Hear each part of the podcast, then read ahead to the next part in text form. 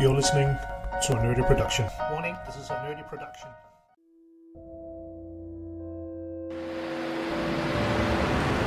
Welcome to the GM Workshop.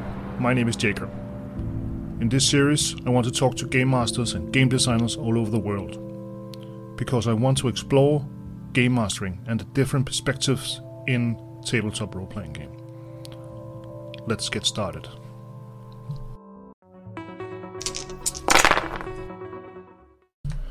Welcome to the GM Workshop. My name is Jacob, and tonight we are talking to John Lamb. John Lamb is a game designer and uh, expert GM. Have played the roleplay since before I was born, um, and have a, some great perspective on the sci-fi genre, metagaming, and how to apply rules. So um, this is our themes. Um, these are the themes uh, tonight, and. Uh, but first, as always, from uh, USA, Texas, John, can you tell the listeners where you come from role playing wise and uh, what what are you working on right now? I started off in I'm 56, so I started off in 1977, uh, right when Star Wars and everything else was coming out. So it was a good series of years.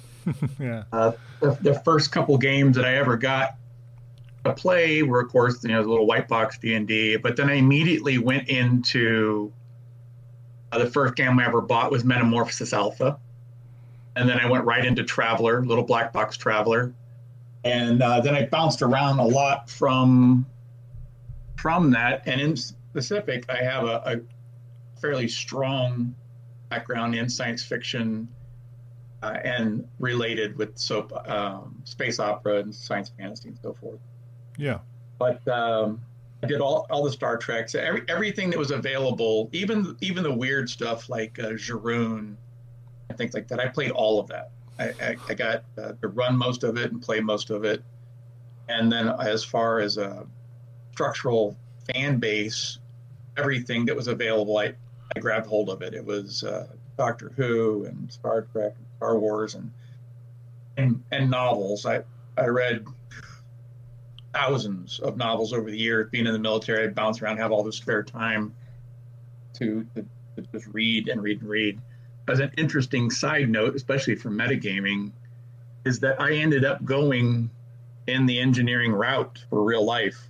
A lot of the science fiction inspired me to to take it further. No, you won't get any XP. So even though a person is playing an engineer and they don't know anything about engineering, it is helpful if the GM does know something about it. I mean, it's obviously it's not required, but if you were to play in a science fiction game with me, or even a post-apocalyptic game, or something that would have some sort of technical reference, there's a lot of the uh, information that I know about, whether it's scuba diving or working on drones or whatever. So as far as meta goes, it's it's pretty interesting to be able to apply that to your active your active gaming. Yeah, that's pretty cool. You you you actually took uh, your hobby um, and your game mastering and your role playing hobby into your real life and not uh, vice versa as as uh, many people are are doing actually it's it's it's pretty cool and as you said it's it's helpful when you when you run especially uh, post apocalypse uh, or or sci-fi games, and you can use your electronic know- how and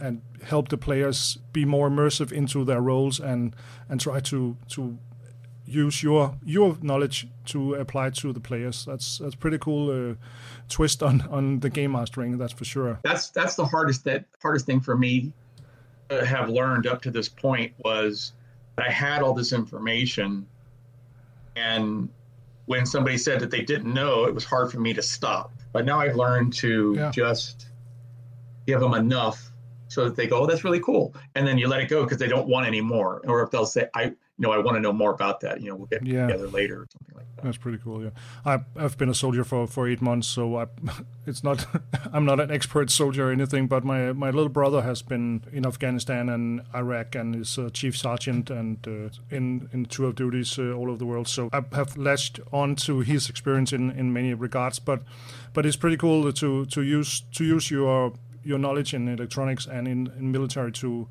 to create stories for your players and and help players uh, immerse into their characters. That's uh, pretty cool. Roll for initiative.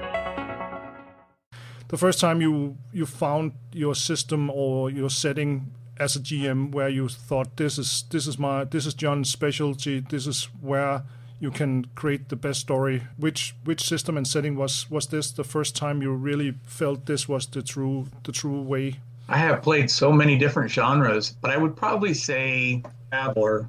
Traveller, yeah. I, I found that uh, when Traveller, yeah. Whenever you mention Traveller, the, the very first thing that people do is they regurgitate that one little bit of information. Oh, you can die in character creation, but it's it's silly because yeah, it's fun. I just explained this to someone yesterday. It, it's set up as a life path. You you take your character up to a veteran status, and life life can be dangerous.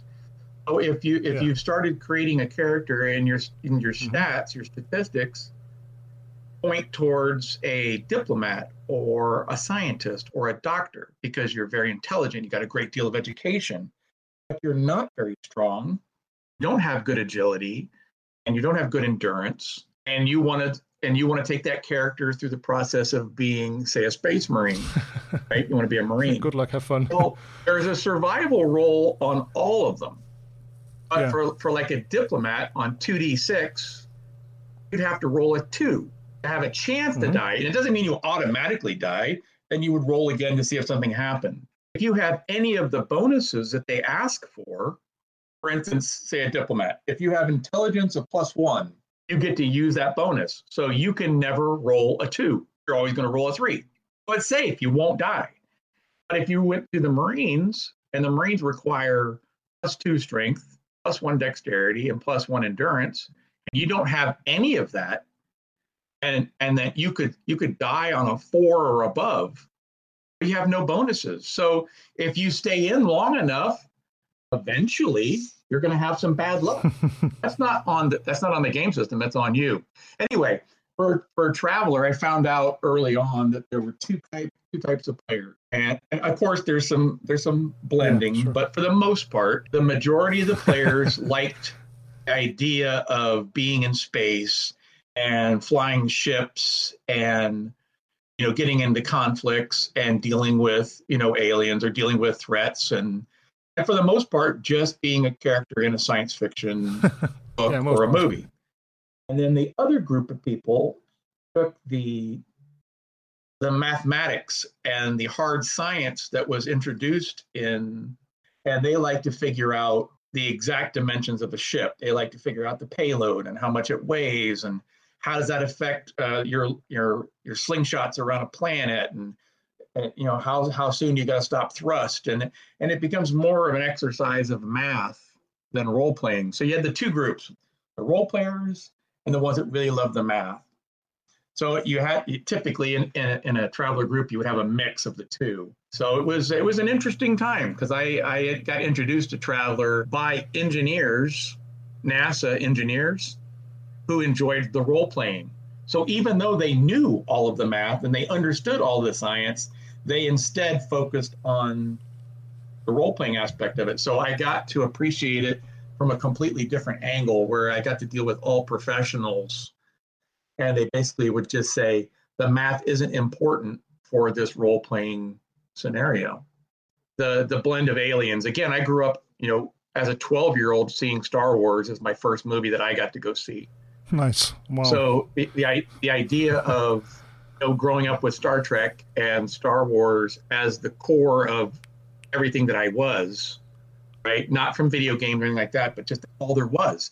There was nothing else really out there. You know, you had to, you had to pull up books, and I would read lots of books, but the uh, the idea of aliens and mutants and all that really caught hold of me. So when when I got to Traveller, they had the very tropish Aslan, which are the lion men, and the Vargr, which are the, the, the dog or wolf men, which are very common in a lot of science fiction. But then they had the really weird ones, like the Hivers. And I really gravitated towards the, the very unusual ones uh, because they were truly alien. They, you know, they weren't uh, forehead aliens as in Star Trek. They were truly bizarre.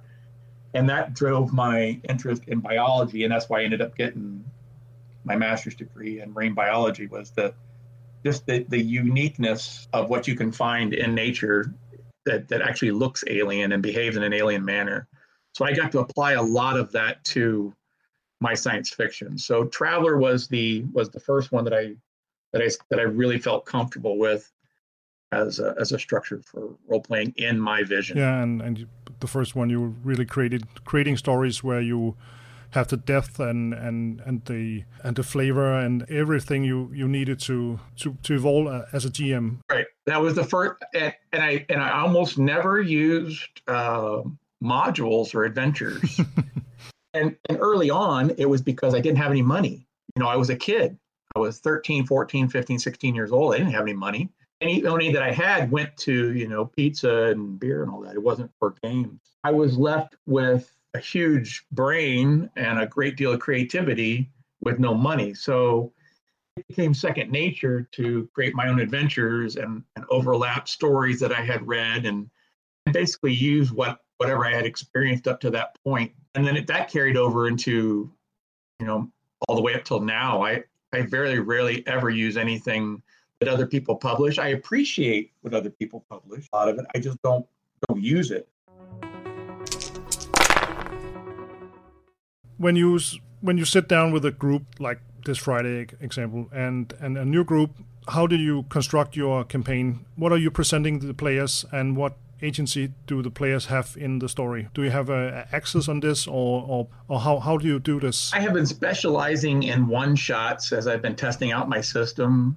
The better part of four four and a half years now, so I've gotten pretty used to taking people that don't know anything about a given setting and trying to introduce it to them and allow them to bring as much of whatever they've got with them to it. So if uh, I usually give them a foundation to start off with, let's say that uh, I found a group of players that what I like to do is I like to find a group that's already a group. You and your three friends, I want you to try my system. So what type of genre would you like to play? What what theme would you like to play? And then I then I take the familiarity of that group. What I do is I present a a basic, let's say, uh, we'll say a sci-fi.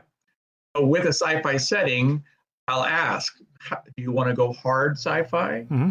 You try to keep it as as much science as we can, or do you want to introduce some aspects that you have to take with a grain of salt, like um, um, terraforming in your lifetime?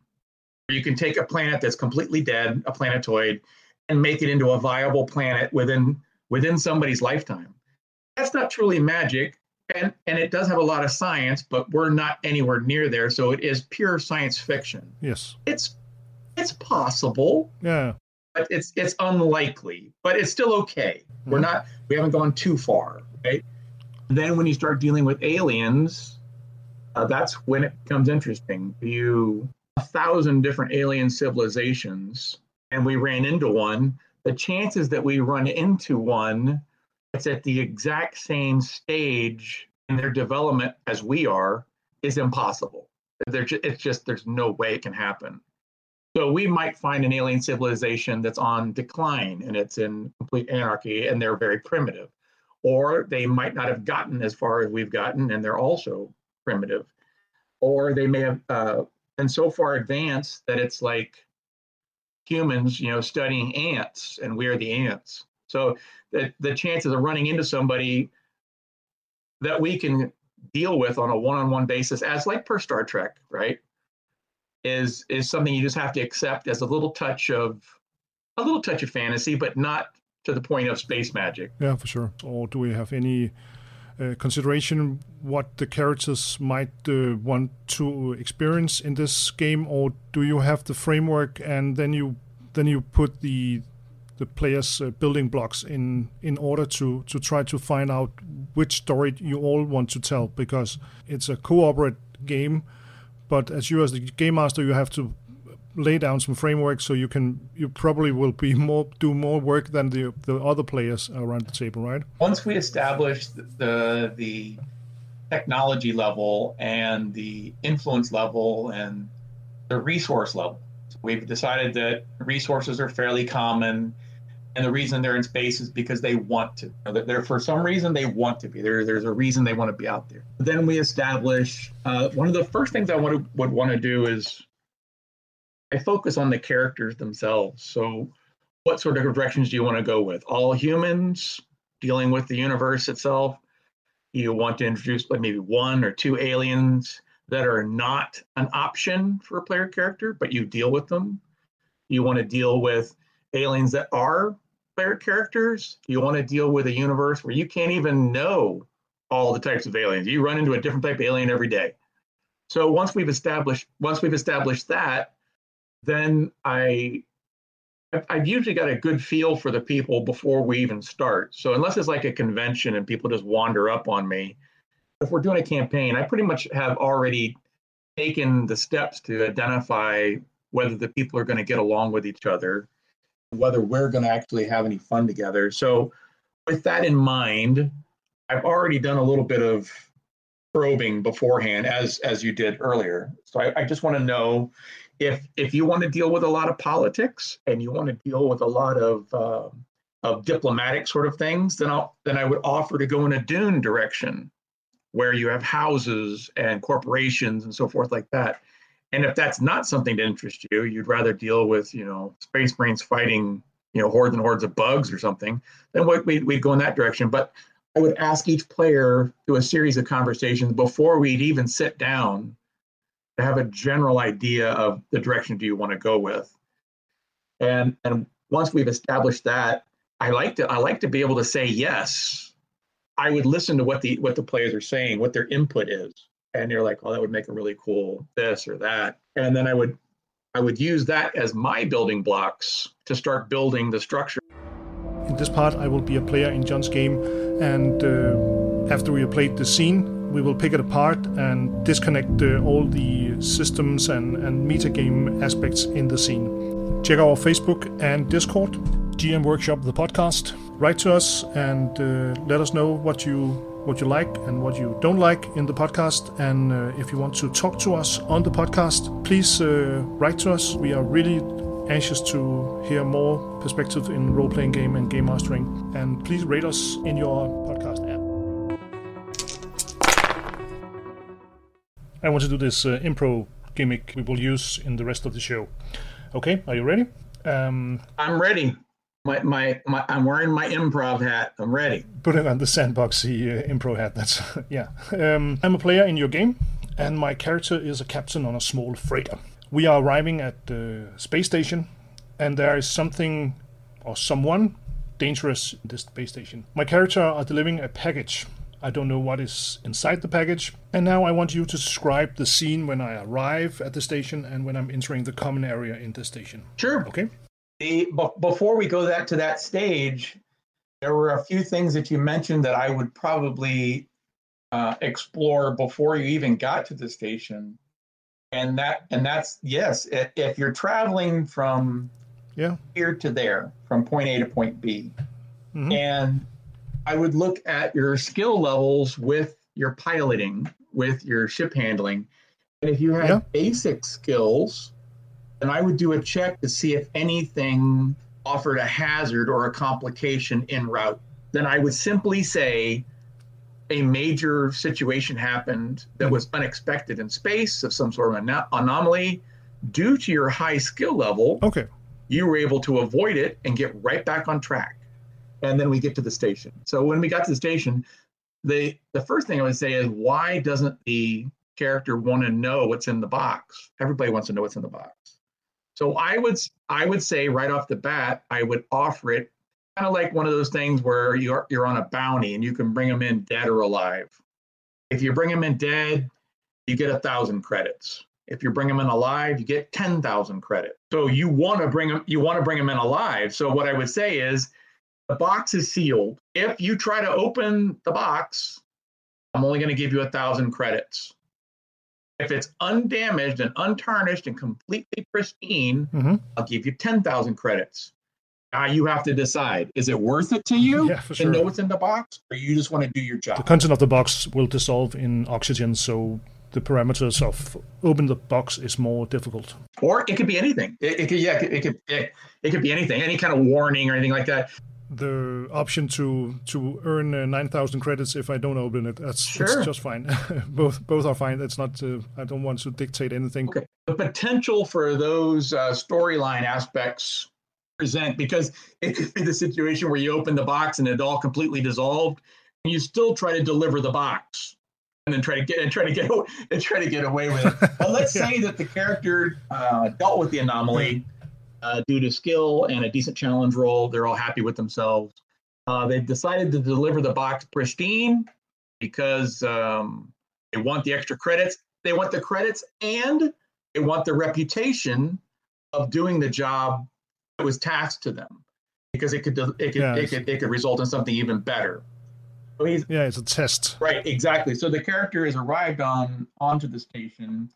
Uh, the station has complications as far as being out on the fringe. It's maybe not in the best of shape. Uh, maybe some of the people there are corrupt, and maybe some of the people there are are nefarious and maybe even malignant. You, as the player, we'll, we'll say uh, Captain Jacob. Captain Jacob, you get to the station uh, and you you dock without issue Yeah. and then I would do a challenge check for intuition. And uh, if you succeeded, I would tell you Hmm. there should have been complications because you know that every time you dock at the station, it requires a bribe. It did not ask for the bribe. Okay, so that that automatically now you have a warning. Now, if you failed, Mhm. I wouldn't tell you that, but I would know that. So you you succeeded uh, in your piloting. You succeeded in delivering the box to the station at least, and you've succeeded in the fact that you've insight that they did not. That's very curious. Why didn't they? When you enter the station, you find that uh, the hallways through this particular tube leading to the main station are unoccupied. Nobody there to meet or greet you. There's nobody there from security. There's nobody there from And no beggars or bums. Or, there's there's nothing. There's nothing there at all. The hallways are cleared. You have you you basically have the choice of uh, taking the long way around and going to your your point of location, or you can take the short and most direct path, which you yeah, that's for sure. I'm a bit worried about the uh, the bribe issue, and so I, I might try to, to sneak around and, and try to find another way into the, the common area or the main station area. Very good. So we would look to see if you had any skills like streetwise or anything like that. If you didn't, then we would just uh, we would role play it and then have a pretty high challenge to, to find out. And and in fact, uh, let's say you had a critical success and very exciting. You got a very critical success. Woohoo! And the critical, the crit, yeah, the critical success allows you to actually run into somebody. Uh, this particular somebody is a nobody, and and the reason that they're still there is because they weren't worth security coming back for them a second time, even though they told them to leave. I really can't get along very well. Do you have a few credits? I will try to, to read him and then Do you offer this person a few digital credits, or you just tell them to go on about their give him some change. Not not much, but just to, to recognize him as a as a person. just for that sake, I don't even need to make a roll because any any sort of positivity would be welcome. This particular person is not so much a con artist; they're just somebody that's down on their luck. So uh, they let you know that uh, security came through. The actual station security came through, and they said they had to clear everything out. So it doesn't look good for you, my friend. And and he shuffles back into the shadows. and I I will I will probably move into the main area and be more aware of the the area's uh, Okay. movement in the area. by doing so, by, taking that direction and, and taking the cautious approach, when I would ask for a perception check, rather than giving you a bonus, I would let you roll with advantage, which is what I typically do. Does something very foolhardy, I have them roll with disadvantage. And and if they succeed, then it's even better. And that and if they do something that's intelligent and it makes sense in a linear fashion, then um, I let them roll with advantage, and it gives them a chance to uh, one have a better roll, and two let them know that I acknowledge that I appreciate their thinking.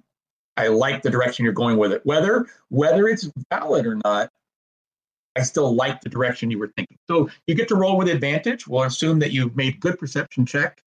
Uh, you, you do know the location. you do have a, a little ma- digital map of where to go, and there is an individual sitting on the promenade at a table by themselves. Nobody else seems to be around, but because you had advantage, you ended up getting a very high, not quite a critical success, but a high success.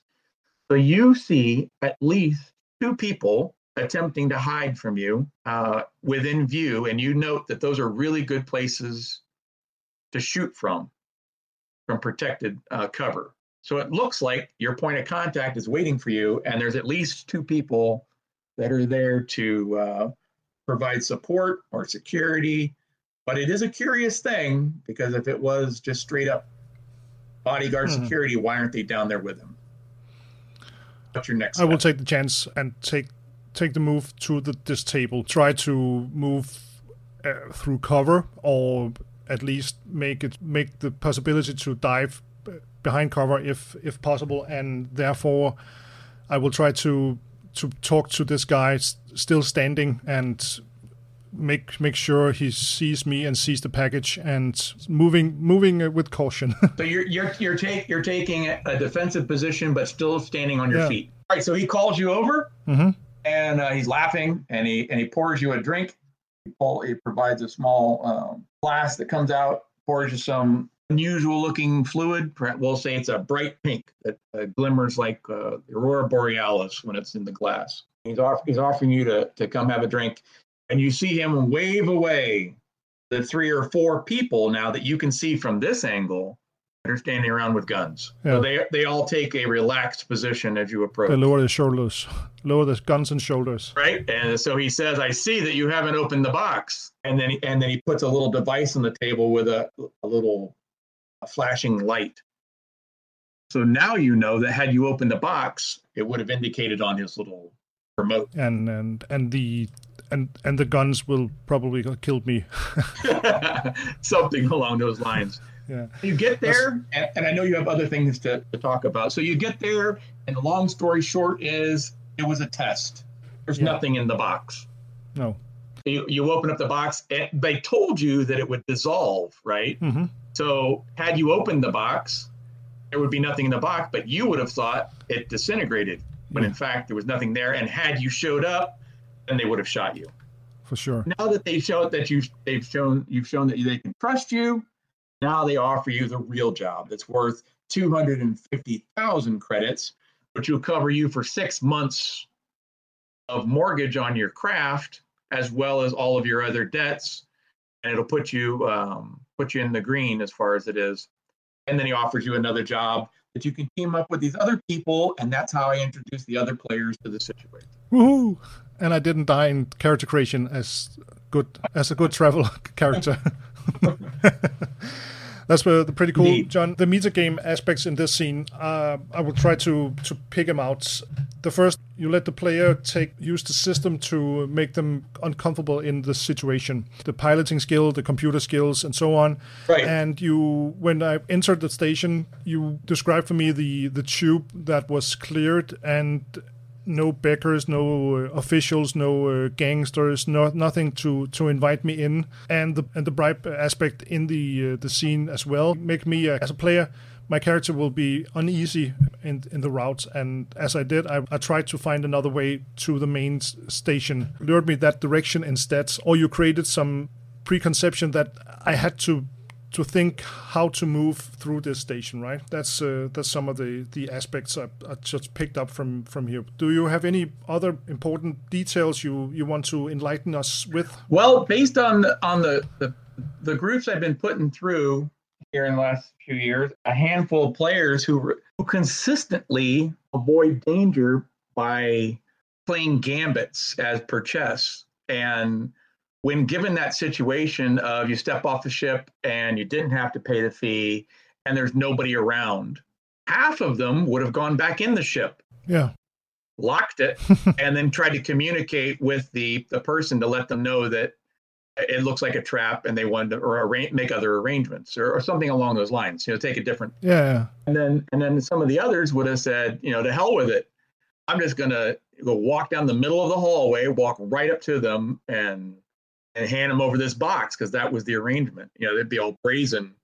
which the uh, bad guy would have approved of that. He would have thought that was great, you know, like, ah, I love it. I love the attitude. I love the brazenness, right? Yeah. So it, it could have gone in several different directions, and um, I would have offered something in any of the in any of those situations. I would have tried to feed into it because again, what I have found is different for me gaming as a GM now than in 20, 30 years ago, is that I learned a long time ago that the idea of me against you doesn't equate to fun.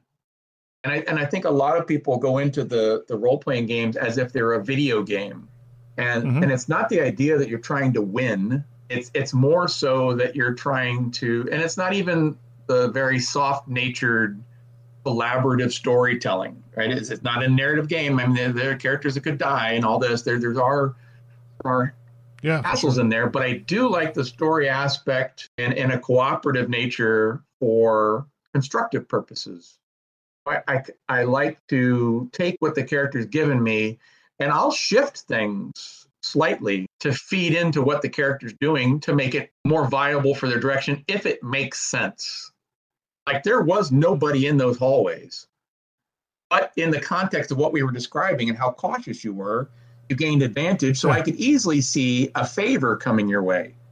In this particular case, the favor could have been an individual, it could have been a, a secret uh, text on your phone. Somebody owed you a favor. If you had approached the station and you told me, hey, I've got three contacts as far as my character creation, could I have one of my contacts at the station? I'd be absolutely. Absolutely. And then when you approach the station, you get a text from that person hey, look out, you're setting it up for a trap. I don't know any other details, but be real careful something along those lines, and uh, and try to feed into whatever the characters were bringing to the table. So uh, as far as extra stuff, no, you you, you, played it right on target, and it could have gone know, several directions. If you'd have taken the long way around, you'd eventually gone through a hatch, and then the next hatch, there'd be lots of people, and they'd be going on about their normal business, and you'd have faded into the crowd, and you'd work your way all the way back around and you'd have come up the back way of, of where you need to go and you would have heard the rumors and you would have got this you could have bought I got a drink all this. And then the guy would have said you know why'd you take so long? And uh, and then you'd have to explain yourself and well i knew you didn't open the box and sit down you know and it, it just it would have it would have been a different approach but that uh, you did exactly what was required of you on the timeline that was required and um, that you were cautious, not overly cautious, not scared, but cautious, which is a good thing because what he's asking you to do is illegal. So uh, being slightly cautious and doing the, the job the right way has value. So no, yeah, you, you, you played a spot on. Yeah, it wasn't really important to that I make the right choices or one in this scene. Um, I'm curious about the snipers uh, can you elaborate on why you are using those and why, what was the thought about uh, about the snipers and, and the tension you, you want to build up? Uh, because psychology, I think, plays into a lot of what the players do. If we're playing in a game and I offer you a few clues and they don't bother you in any way, and I don't feel you're in the game. I don't. I really don't feel you're you're you're participating as far as like uh, enjoying yourself. You're not really into it. You basically just want to fight. I, I just want to go kill stuff, right? So I probably wouldn't have started the game with you anyway. to begin with, I'm just not into those sort of games. But um, I tried to give you a couple things that if I told you, I want to see how you react. Is how I'm going to take the next step what we're doing. I try to leave myself a little bit of fluidity of what I can do with the story yeah. mm-hmm. because not everybody is good or bad, and not everybody is going to be you know, chaotic or full of order. So, depending on on how you play it, I, I want that to to reflect. So, by telling you that uh, there was no bribe requested, you could have said, "Well, hey, the person knew I was coming and they paid for it ahead of time. Good for them." You're coming into it with a lot of enthusiasm and i'd be like oh that's cool that's not correct but we'll we'll, we'll, we'll, we'll just say that that was a good thing right so you go in there with a very positive attitude right that's the character, that's great. You know, that gives you a chance to role play in the face of danger, right? Which would be really cool. It would be a very, mm-hmm. very good character thing to do. And then the other one, you know, like I was saying, you could have gone back in the ship. You could have done that uh, because of of of, a, of an established amount of danger. And then the fact that the hallways were cleared. I'm trying to establish little Legos to build up a wall of suspicion or caution. And I feel that yeah. letting the player feed into their own anxiety and their own worries tells more of a story than I could give them with every detail. I don't need to tell you a lot of stuff because you're already freaked out, right? You just want to get from here to here without, yeah. you know, tripping and falling. So now you're actually worried. I like the concept when you're using um, show don't tell. You you wouldn't tell me, hey, Captain Jacob, you feel like this and this. That's not cool. And use the system mechanics surrounding my um, my piloting skills. I thought that was important for the furthermore story, and I was aware of this. And in the uh, case of the bribery, I used uh, I, I thought about three things. One is the obvious one that the, the gangster paid for my, my landing fee. Or the second one was the law enforcement would arrest me uh, as soon as I delivered the package or uh, left the, the space station. The third one was that you, I actually uh, fumbled or missed my uh, my intuition roll. That was pretty cool and gave me some anxiety, as you talked uh, about before. No, I, I, think you got it, and and I and I actually appreciate that you took it um, took it to heart in, in like three different directions because it was an open-ended potential of what it could be. What I like to do with a lot of situations is this is the way it is. I, I know that this is the way it is. And I present some of the information and how you interpret it. It could be something completely different. But if you don't deal with it, then that situation is going to carry on in a natural process. So if you delayed too long, he's not there anymore. And now you have failed. And now that now they're actually hunting you and you've got to try to get off the station. You get to your ship and it's locked. It's in it's in dry lock now. You, you can't get it out. So now you got to it's a survival thing. So everything has ramifications so uh, the fact that you you didn't delay it very long you didn't keep him waiting that you you basically kept to your job all that stuff has value so i that I, I like that you it, that you uh, that you looked at it several different ways. I don't I wouldn't require it of a player to look at it all these different ways because you know it could eat up eat up a lot of time. But I do appreciate that. Uh, That's the reason I'm a terrible player because I deconstruct every scene and everything my game master always tell me, and probably over analyzing. And this gimmick was to analyze it and try to to pick out the details you you are using and and how you are telling this scene's flow. And of course, if I was in the mood and and was a player around your table, I will not consider three or five options when you, you said something about bribes and something like that. But as a player and as a GM, you have to to help help the GM telling the story. Well, that's a failure.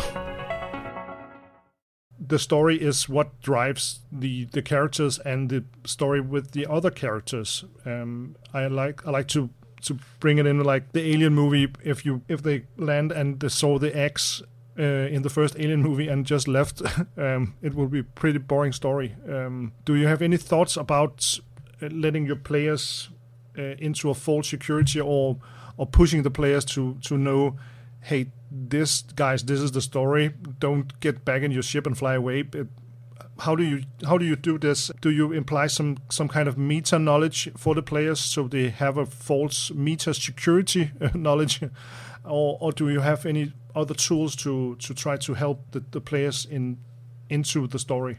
The only time I would metagame in that particular case is if let's say you were playing a character that does not reflect well on your personal real world skill. Let's say you yes. chose a character that was very good at detection being an investigator, somebody that was very good at reading other people's faces. They were, in, in general, they were a profiler. They're good at figuring people out. That doesn't mean that you personally have to be good at that stuff, but those skills would be reflective. So if you had the skills, it would feed into information that I could give you then I would let you have those skill mm-hmm. rolls, and I and I would ask you for those skill rolls.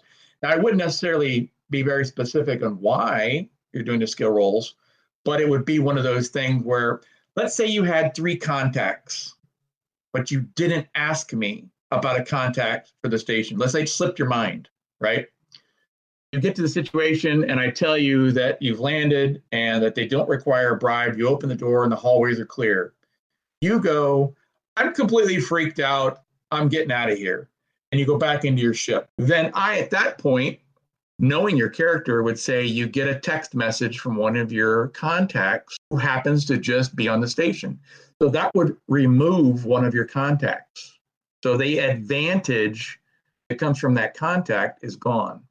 And it would say, hey, it's a trap. So and so knows you're here. Uh, it's a big deal if you don't make arrangements to deliver that box, you're going to be hunted. If you still choose to leave, then you leave, and then we deal with the situation later. But now you can look at it a different way. But if you didn't have the context and you didn't have the skills for it, and let's say you were just a big dumb Marine, right? You're just a guy that's really good at shooting stuff. Well, unfortunately, your skill set doesn't doesn't uh, pay forward. So if you choose to turn around and leave because you think it's a di- dangerous situation, then then it is what it is. Then the storyline changes and and the added drama that happens from that point on is on you. So so no, I, I would not metagame unless the character presented a reason to do so. If you look into the shadows and you forget that you have the ability to see infrared, well, I'm going to remind you. I'm going to say, hey, roll with disadvantage for your infrared. And you go, ah, my infrared. I forgot about that whether you succeed or fail, reinforce the fact that you have infrared vision. And now you're going, ah, now, now, okay, I'm going to take a second and recoup and try this again. And I'd be like, okay, you rolled normal. But if you didn't have anything, if you built a character to be a certain way, and now they're doing a job that they're not well suited for, things can go south. So, so to answer your question in a short, long version, yes, I would give them meta information or give them an opportunity to to gain some meta information if they had the skill set or the character set to do so. But if they didn't, then it's just unfortunate timing and bad luck.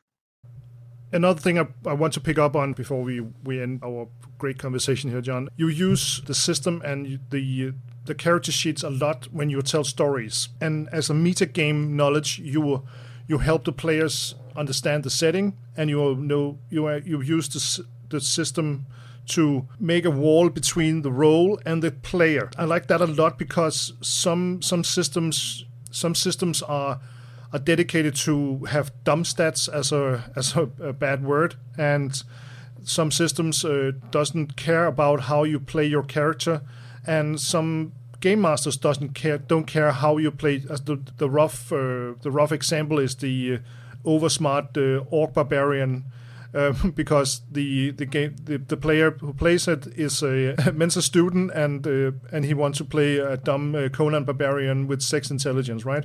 So but he's still intelligent. The way you are using the character sheets you are using the meta knowledge and using it into the story because you are helping the players to understand the setting, but you can also use the their character sheets to to trip them or to uh, to cheat them uh, into believing something else.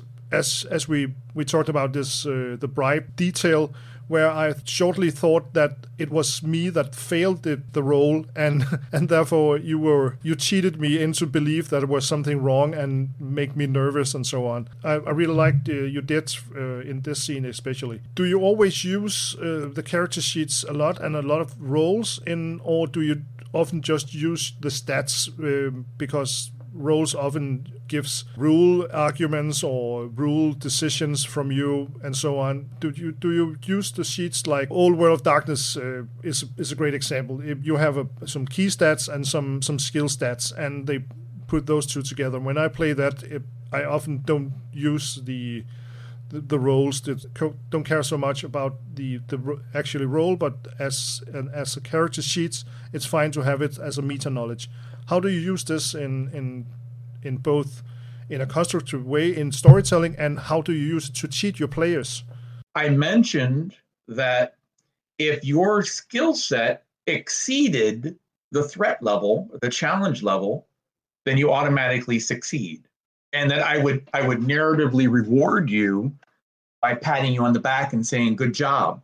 Your skill set presented that there was an anomaly there. You avoided the anomaly with a great deal of skill and got right back on track and didn't lose a minute of time. Right? Or it could have been that you lost some time and now you're a little bit late, but nothing happened to your ship. Or you stayed on time and something happened to your ship that you got to deal with. There's also kind of situations that could have resolved, but basically, I don't have the character's roll all the time if I know that it's something that they should be good at. So if you're if you if your character is just a, a modern society character in, in the modern world, uh, we'll assume somebody lives in a city and they have they have the basic knowledge that that everybody in the city would have. Let's say in, uh, in, in let's just say Copenhagen, uh, Copenhagen. You live there. I, I'm going to assume, based on the knowledge that I've got as a person, just experiencing things, the average citizen speaks two or three languages. That, that would just be what I would assume that most of them speak fairly fluently two or three languages, or at least understand two or three languages.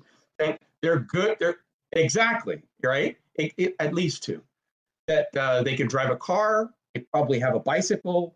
Uh, they're good with a cell phone, and they have decent academic skills because everybody got to go to school pretty much as far as they would like to go to school.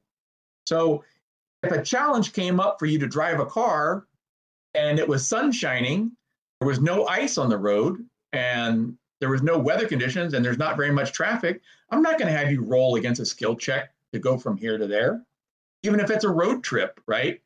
Now, if it's to the point where you've driven past reasonable endurance, now you're tired, and it's dark, and it's snowing, and now it's turned to sleet, and there's black ice on the road.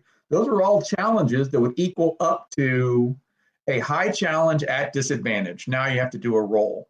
So I don't I don't always ask for a roll if it's something I expect you to be able to do. And if you're a master archer and you want to shoot a target and hit the bullseye, you hit the bullseye. Congratulations.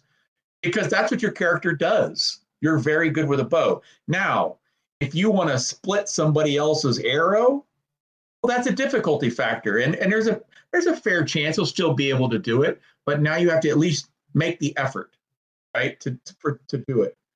So the only time that I would actually do challenges like that are if there is an actual challenge. Now, as far as tricking players, I very often ask them to make a roll. It doesn't mean anything, just to make them anxious, just to throw them off. Because if I do that, then they don't come to expect every roll to mean something. Because if I don't do if I don't do that, then they'll say, okay, you had me roll, and even though I failed, now I know something is up, right? But if I have you, if I have you roll from your flight from A to B and you failed, and I say, okay, nothing happened, I'll be like, oh no, something happened. I'm going to slow the ship down and I'm going to do a quick systems check to make sure there's nothing wrong with the ship. so I succeeded, and with that one little thing, I'm okay with it. I don't I don't need to make a bigger deal out of it. And then I'm going to have you when you're docking, I'm going to have you you succeeded in your docking roll. And I'm like, I'm gonna need another docking roll. You're gonna and you're gonna be like, why? So I just need another docking roll. Okay, I failed. Okay, no problem. Oh, and now and now now you have anxiety because I asked you to do it again. But for the most part, I don't ask for a lot of rolls. So so when I do ask for a roll, the players pay attention. They know that either something is up or I'm messing with them. And if I'm messing with them, then they still know that something is up. So that it makes it makes them pay attention. And I try to I try to get people involved. So specifically, if there were if there were five players, one or two of them are going to be quiet. That's, that's just the way it normally is. One of them is the first person to always talk. The other two typically argue amongst themselves. And then the other two are fairly quiet and they'll react when they're required to do so. So if we were traveling from A to B and there were five people on the ship and an anomaly popped up, I wouldn't challenge the aggressive pilot. I wouldn't challenge the really good science officer. And I wouldn't challenge the engineer. I would challenge the diplomat or I would challenge the escort because they're very quiet. I would come up with some sort of challenge that meant something to them to get them involved in the game. All right, I'm going to need the diplomat to make a skill because the area that you're traveling through has a lockdown and it requires a certain level of security clearance or above. And although your diplomat doesn't have it, he's got or she's got diplomatic connections. So I need a connections roll from your diplomat. And so instead of making it a mechanical thing or a piloting thing that they could have easily succeeded in, it becomes a diplomat thing, which the diplomat can very easily succeed. So the diplomat's like, I've got a seven in diplomatics. So boom, yeah, I did it. I succeeded. I got a critical success. So not only do they get to get through, but they get an escort. That's that sort of thing. So I try to feed into it that way. Hopefully that, that answered your question. Yeah, for sure. Oops, you're dead.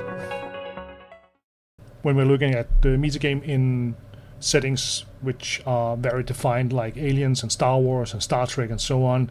How do you work with metagame in those situations? Um, you are creating a lot of your own stuff, but you also pull a lot of uh, inspiration from other IPs and so on. Where do you f- where do you set the borders for for the players uh, surrounding metagame in sci-fi? Well, if you want to focus on the the sci-fi and the metagaming as a as a final thing, I would say that a lot of people don't have a great deal of experience, practical experience with engineering and high end technology. They do have a great deal of experience with movies and video games and TV series and comics and so forth. And they can understand how a transporter works, even though they don't understand how electronics works. So, as far as metagaming, as long as a person has the skills reflects some sort of connection to the problem, then metagaming makes sense and it's an effective tool. If the GM if the GM is just using it to make his story work, then I would say it's not a good tool, regardless of the genre. And, and if you're running a group of people that don't know anything about science fiction, then then probably easing them into a different situation very little science fiction would be best, where they don't need to know a whole lot right? Yeah but that's it, it's it's fine and and it's a great tool to to redefine the module which uh, Freeliga have have made the called Chariot of the Gods. They they do a bit of the same here as it's a it's a sickness instead of uh, a uh, a face hugger. But the the end game is the same. You get uh, impregnated by by this alien thingy and it, it will kill you from inside out. But but it's it's has an, another mechanical uh, flavor, and that's pretty cool. When you're using a, a fixed setting as uh, Aliens or Star Wars, you the players they want the the force powers, they want the Jedi's, the ones uh, the the tractor beams and and the uh, the teleport chambers in Star Trek and so on. You're also confined to deliver the tropes and the iconic elements in the setting. So it, it's a it's a difficult balance, and in a balance uh, you you have to uh, navigate through. A tool a tool for the alien setting in particular is that everybody knows that the alien starts off as this and then becomes a face hugger and then becomes a larva and then sure. becomes the, the, the actual drone so what I what I did was yeah, is I introduced another yeah. stage. Okay, and uh, this yeah. next transition stage was after they became active drones. They would go into a uh, a cocoon, as it were, and they would reappear. Not necessarily, you know, big and bad like a queen, but they would be modified based upon their environment. So they, they might be more aquatic or they might be more um, terrestrial where they're digging a lot or something like that. They might be smaller, they might be bigger. And So if they get to the point, they're like, okay, if we get them to this stage, we know what's going on, and then they go back into the setting, now it's completely different. And they're like, oh, what is this? Or I went the other direction and I made them not face huggers, but in fact, I made them small, like the size rats. And they would just latch onto the body. And wherever they latch on, they would start pumping in these uh, hormones and they would put pumping in these um, paralytics so that you get four or five of them on you and you can't move anymore. And then one of them comes up and lays an egg in your mouth.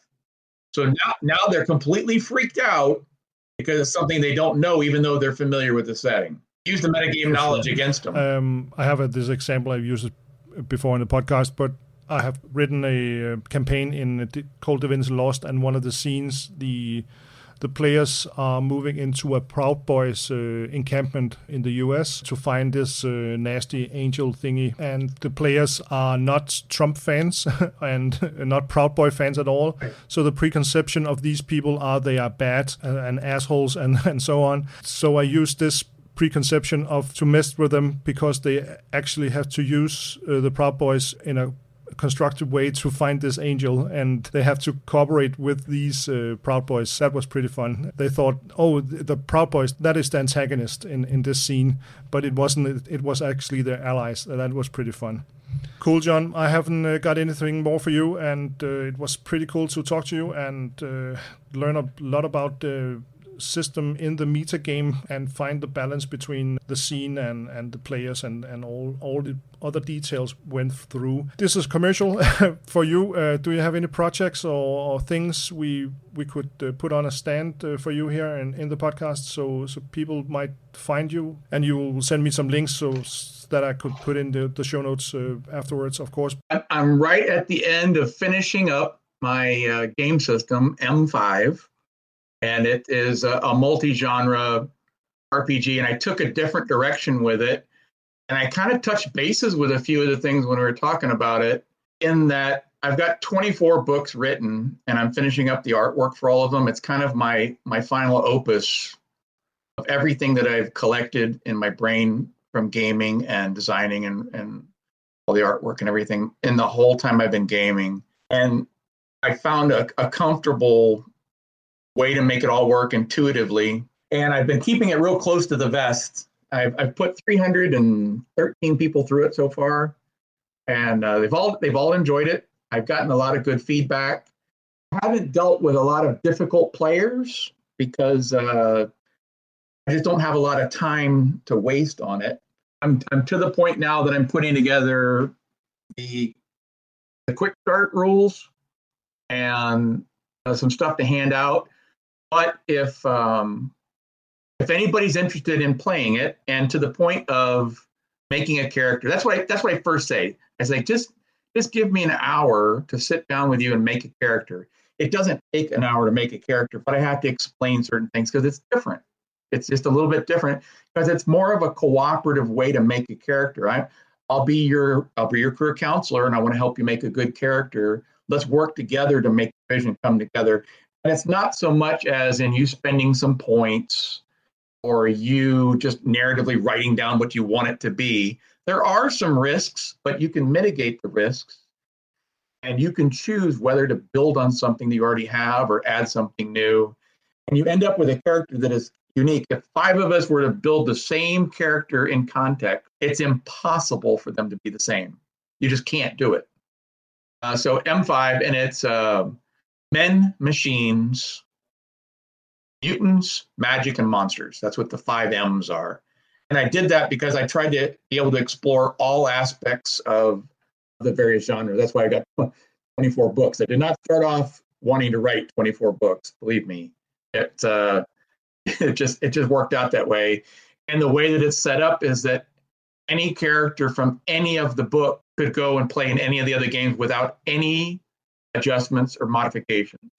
If you can if you can narratively put it together.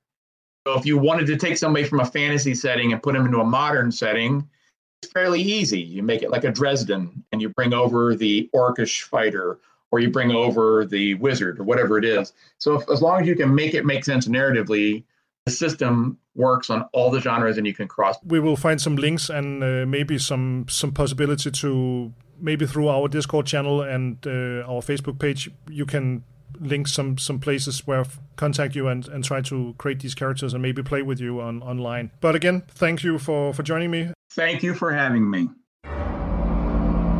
Thank you for today, and thank you to John for joining us. This is our last episode on uh, sci fi for now. Next week, it's fantasy all week, and the following weeks. Follow us on uh, Facebook, GM Workshop, the podcast. If you want to interact with us and talk to us, give us a message